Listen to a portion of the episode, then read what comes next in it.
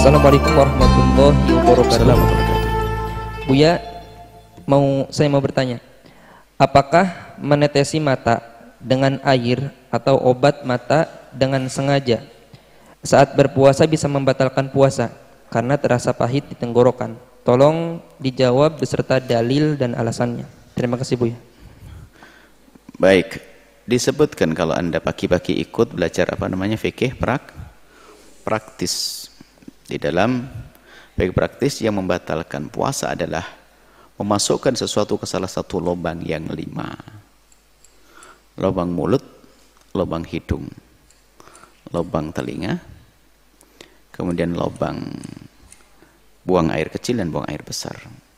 Itu yang pertama. Nanti setelahnya adalah masalah muntah dengan sengaja dan sebagainya.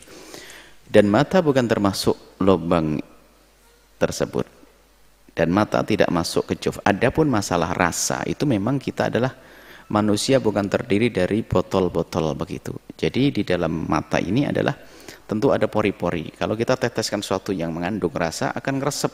Dan kebetulan mata nah, orang normal adalah mata di atas tenggorokan, turunnya ya ke tenggorokan. Kecuali mata kita di, di, di, di, di siku sini. Maka nggak akan turun ke tenggorokan. Jadi pahitnya itu bukan karena bendanya langsung turun akan tapi wajar di dalam diri kita adalah bukan plastik begitu yang nggak akan tembus ke bawah, tapi manusia terdiri dari daging, kulit dan sebagainya ada rembesan-rembesan itu. Yang jelas tidak membatalkan puasa. Anda boleh meneteskan uh, apa obat mata uh, kapan saja di mata. Bahkan Anda juga boleh makan es krim lewat mata Anda.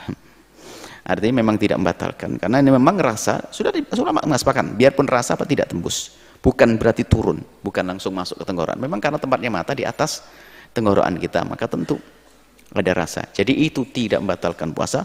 Dan tidak usah ragu. Tidak usah ragu. Dalam hal-hal yang semacam ini. Baik. Wallahu a'lam bishawab.